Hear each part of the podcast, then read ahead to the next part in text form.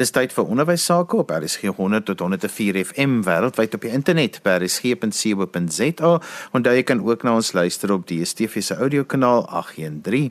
My gas vandag is professor Ignatius Gous. Nou, ons het verlede Sondag lekker gesels oor dinge wat op die oomblik in skole aandag moet kry veral met die volkurrikulum. En een van die aspekte wat ons ook oor gesels het was 'n bietjie om te verwys na memorisering. So is dit nog nodig dat kinders feite moet memoriseer? Dit bly 'n groot debat en Ignatius gaan vandag vir ons 'n bietjie helderheid daaroor gee. Ignatius, memorisering, is dit nog nodig om feite te memoriseer? Johan, memorisering het tans 'n baie slegte naam in onderrig. Dan hoor 'n bietjie wat sê mense. Hulle sê feite is goed vir toetse, maar denke is beter om te lewe. As jy kan Google, hoekom met memoriseer? Of soveel feite, te veel om te leer. Onderrig eerder kritiese denke en probleemoplossing. Hoërorde denke is beter as laerorde memorisering of leesvaardighede is beter as inhoudskennis. Daarteenoor word dinge soos die 21ste eeuse denke as die doel van leer gestel om ons deur hierdie nuwe era te help. 21ste eeuse denke is 'n term wat wyd gebruik word, maar nie altyd goed gedefinieer word of maklik definieerbaar is nie. Dit sluit 'n wye reeks idees in oor wat beskou word as belangrike kennis, vaardighede, karaktereienskappe en werksgewoontes. Dit sluit dinge in wat werklik belangrik is, werklik baie belangrik, soos kritiese denkvaardighede, probleemoplossing, navorsingsvermoëns, kreatiwiteit, kommunikasie, entrepreneurskap, openheid vir leer, beroepsgereedheid en oorlewingsvaardighede. Dis alles dinge wat regtig belangrik is en dit is op die tafel omdat opvoedkundige en opleidingsinstansies tradisioneel nie hieraan aandag gegee het of selfs nou nog daaraan genoegsaam aandag gee nie. So hoe mense hierop reageer het nogal implikasies vir ons daaglikse klasgee in skool of universiteit in kontak of virtueel. Wat moet ons dus doen? Wat moet ons steeds doen? Wat moet ons nie meer doen nie? Wat moet ons nie doen? Hier wil ek die leerkrag as konsep jongleur en strategie jongleur voorstel. Wat dit is, sal ek aanstonds verduidelik. Maar eers iets oor elkeen van ons se verwagting van die mense rondom ons. In kort, wat verwag ons elkeen van professionele diensverskaffers? Wat verwag jy van jou dokter, jou belastingpersoon, die rekenaartegnikus, die Airbus 380 vlieënier, die motorwerktuigkundige en haarkapper? Ek vertel tot vervelings toe die verhaaltjie van die ou wat op die uh, teatertafel wakker word en hy kyk boontoe en daar's niemand nie. En as hy kop so links draai dan staan al die dokters daar rondom 'n uh, uh, tablet rekenaar en hulle sê vir my ehm um, wag net so 'n bietjie still buffering. Mens wil dit nie hê nie. Ons wil dienskaffers sê met parate kennis en vaardighede. En dis tog waarvoor ons leerders in die klasse moet voorberei nie waar nie. Die vraag is, doen ons dit? Hoe moet ek vandag in my klas optree sodat hierdie kinders of studente eendag my lewe in sy of haar hande kan neem sonder om dit voortydig te beëindig? En dit is soos iemand op sy Facebook bladsy skryf, it's complicated. Dit is nie maklik nie, maar dit is nodig. Een van die uitdagings waarmee baie mense sukkel, is om meer as een komplekse stel gegevens gelyklopend in ag te neem en te gebruik soos wat 'n juggler eintlik met 'n handvol balle of kegels doen. Dit is eenvoudig om een bal in die lug te gooi en te vang, maar dit verg baie oefening om dit met 3 of 4 of 5 te doen. Dis hoekom mense dikwels een manier van doen of een stel uitgangspunte aanhang en wanneer hulle verander, dit met 'n volgende een vervang. Hulle gooi die vorige een weg en volg of hang die volgende een aan. Soos daar in onderwyskringe met memorisering gedoen is. Memorisering was eers die inding en onderrig en toetse was daarop ingestel. Toe die nuwe bestel in ons land aanland, word dit uitkomsgebaseerde onderrig. Toe die werklikhede van die 21ste eeu en die eise van die 4de industriële revolusie voor die klaskamer deurkom staan, word memorisering vervang met 21ste eeuse vaardighede en die 6 C's. In teoretiese raamwerk word vervang met 'n volgende een. En dis nie die laaste keer wat dit gaan gebeur nie. Mense juggle moeilik meerdere konsepte of leeraanpakke. So van juggling gepraat. Breinnavorsers het gevind dis een van die beste maniere om jou brein skerp te hou. Een van die dinge wat hulle aanbeveel is dat 'n mens dit oefen met wat hulle noem thud balls. Met ander woorde, sagte balle wat as jy hulle laat val, hop hulle nie weg soos tennisballe nie. Hulle val met 'n thud en jy kan hulle weer optel en maklik deel maak van die stel waarmee jy oefen en speel. So te loops, weet jy wat die Afrikaanse term vir juggler is? Die punt wat ek wil maak is dat parate onmiddellik beskikbare kennis wat ons van diensverskaffers en werkers verwag, steeds memorisering benodig. Ons moet dus daardie football wat ons 'n bietjie laat val het, weer optel en deel maak van die stel balle wat ons in die lug probeer hou. Hierdie aanbeveling wat ek maak, word ondersteun deur breinnavorsing. Om dit te illustreer, kom ek vertel julle nog 'n verhaal. Ek was eendag by toe 'n jong dokter en sy swaar praat oor werksverwante toeps of apps en webblaaie. Jy weet die soort wat sommer op jou slimfoon opspring en boodskappe deurstoot. En daar was elke dag iets interessants. En toe vra die swaar, "Hoe maak jy sin daarvan? Want dit kom ongestruktureerd. Dis dan hieroor en dan daaroor. Is dit van enige waarde?" En toe sê die doktertjie, "Omdat hy reeds goeie basiese kennisstrukture en verstaansraamwerke in plek het, kan hy dit op die regte plekke inpak. Op die plekke wat sin maak wat sy kennis uitbrei of wat dalk bestaande kennis vervang. Want dit is hoe kennisverwerwing werk. Ons het kennisraamwerke in ons koppe. Leer beteken ons moet aan hierdie kennis ver raamwerke aanvul of dit verander of iets daar vervang. En hoe meer uitgebrei die bestaande kennisraamwerk is hoe makliker is dit om nog by te voeg. Ignatius, ek wil net graag daar inkom en vir ons luisteraars sê dat ons verlede week baie spesifiek gesels het in ons in die onderwys oor kennisraamwerke en dat ons luisteraars na daai potgooi kan gaan luister as hulle nie heeltemal vertroud is met daardie term nie. Dis korrek, want jy weet hoe armer die kennisraamwerk is, hoe moeiliker is dit om by te voeg of wat. Jy weet dit is asof goeders net dwars deur jou kop hardloop sonder 'n plek het om aan te gaan na daar moet dus iets binne in ons koppe bestaan vir ons om iets by te kan voeg of te verander ehm um, of weg te gooi. Ander navorsing sê dat memorisering is die fondasie van kritiese denke. Want jy het meer aspekte om in ag te neem om iets te kan beoordeel. Fopnuus is tipies iets waar een stukkie inligting tot die een in die al verhef word en wat nie die kompleksiteit of genuanceerdheid van die saak nageneem nie.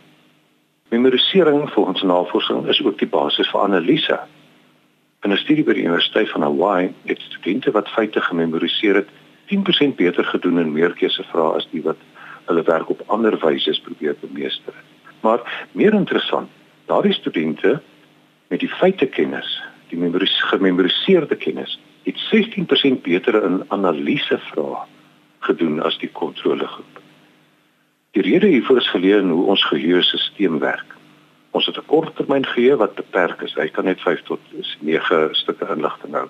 Ons langtermyn geheue aan die ander kant is onbeperk. Maar ons werksgeheue is iets wat uit die langtermyn geheue en uit die korttermyn geheue kan oproep en dit hou. En dit is beter om dit wat uit die langtermyn geheue goeders op te roep as uit die korttermyn geheue wat dit nog eers moet gaan haal. En daarom is 'n mens beter in staat om probleemoplossend of kreatief of evaluerend of innoverend te dink as daar parate kennis in ons langtermyn geheue is as as dit mense eers moet gaan Google haal uit jou korttermyn geheue uit. Nou dis nie werklik nuwe nuus nie. Bloem het lankal van laer orde denke en hoër orde denke gepraat. En almal dink hoër orde denke hoër orde denke is die een en die al. Maar die feit is dit kan nie plaasvind sonder die fondasie van laer orde denke nie. Nou as dit alles waar is, moet ons dus al hierdie balle gelyk in die lug hou, prakties in die klas. Hoe kan 'n mens dit prakties maak werk in die klaskamer? Johan, my doel is as 'n klasgee is dat as iemand uit die klas uitstap, moet hulle basiese idees klaar gememoriseer het. Daar's baie redes daarvoor. Soms is die situasie tuis dat hulle uh, nie daar kan leer nie of daar's nie ondersteuning nie.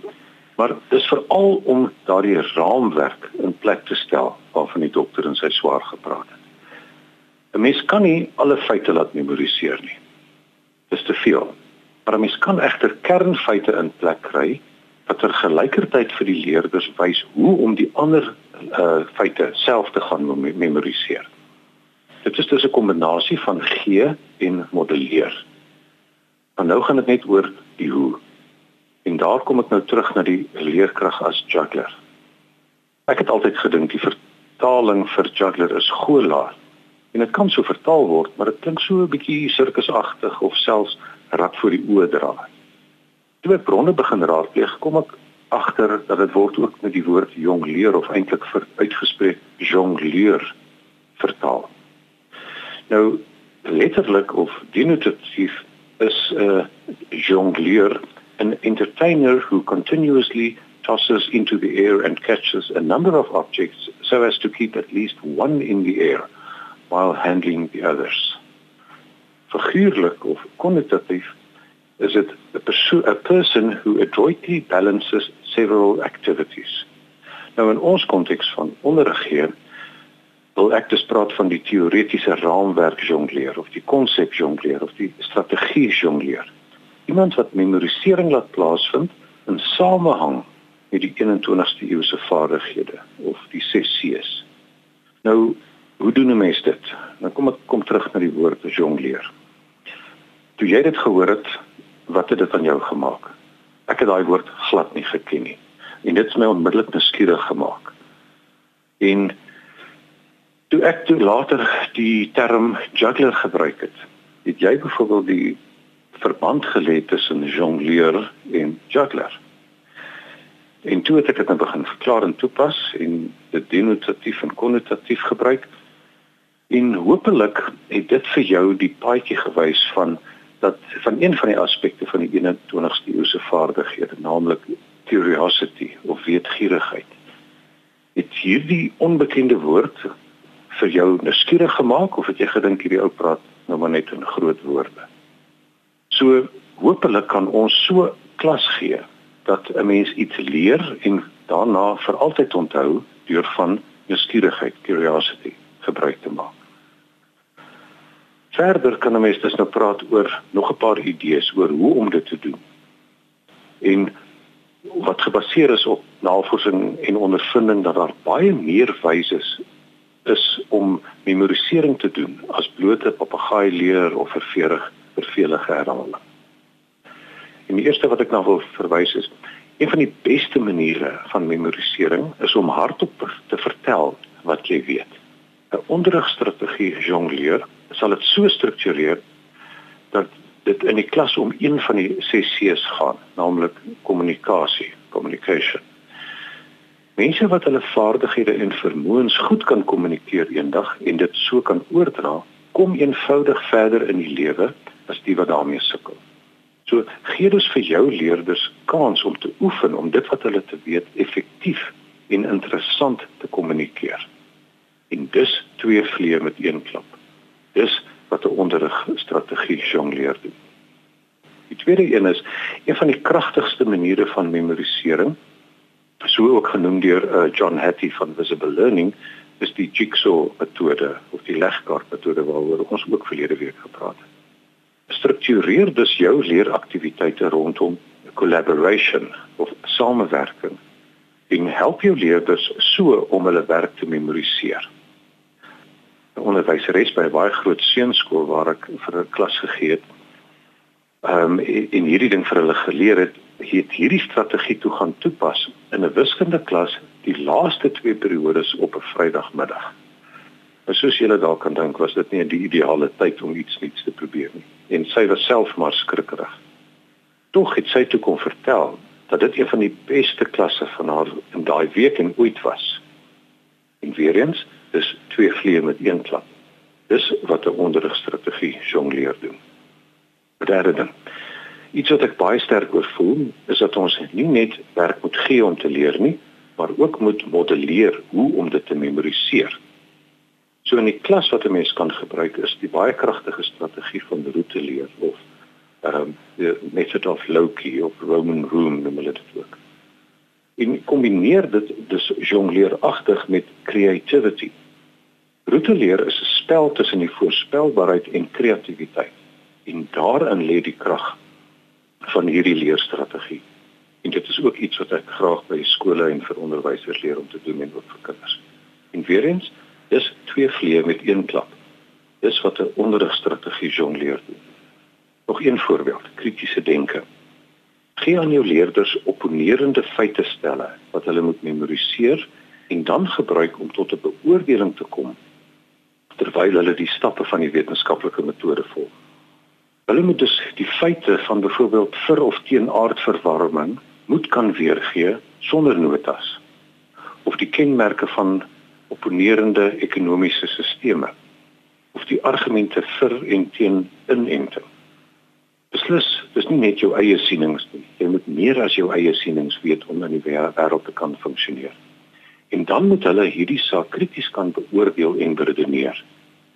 En dit bring sommer alle aspekte van 21ste eeu se vaardighede in spel. En weer eens, dis twee vliee met een klap. Dis wat 'n onderrigstrategie jongleer doen. Om op te som, memorisering het 'n baie slegte naam gekry. Nie omdat dit verkeerd is nie, maar omdat dit verkeerd aangepak en verpak is. En dit is verwar met papegaai leer, vervelige herhaling en spreekwoordklasse en dies meer. Ons moet egter nie die baba met die badwater uitgooi nie. Memorisering en parate beskikbare kennis is steeds van kardinale belang en sal altyd so bly. Ons verwag dit van mense in die werklike lewe. Ons moet dus dit aanspoor en modelleer wanneer ons onderrig gee. Ons kan dit kreatief doen deur teoretiese 'n teoretiese raamwerk jongleer te wees, deur 'n konsep jongleer te wees en 'n strategie jongleer te word in ons onderrigpraktyk. Dit kos werk, maar ek help graag daarmee. My ervaring daarmee is, is dat dit onderrig aangenaam en opwindend maak. En wie wil nou nie lekker werk nie? Kry daai balle in die lug en kry die kegels in die klas. Werking oor die woord jongleer. As môreoggend by die klas, ag by die skool aankom en jy sê jy's die jongleer, gaan hulle teen teen nie die hek vir jou wil oopmaak nie. Bittermin mense gaan weet wat jy is as jy so na jouself verwys. Noem jouself dus wat jy wil. 'n Goelaar as jy beslis nie. Wat die HAT ook aanbeveel is die term ewewigskunstenaar.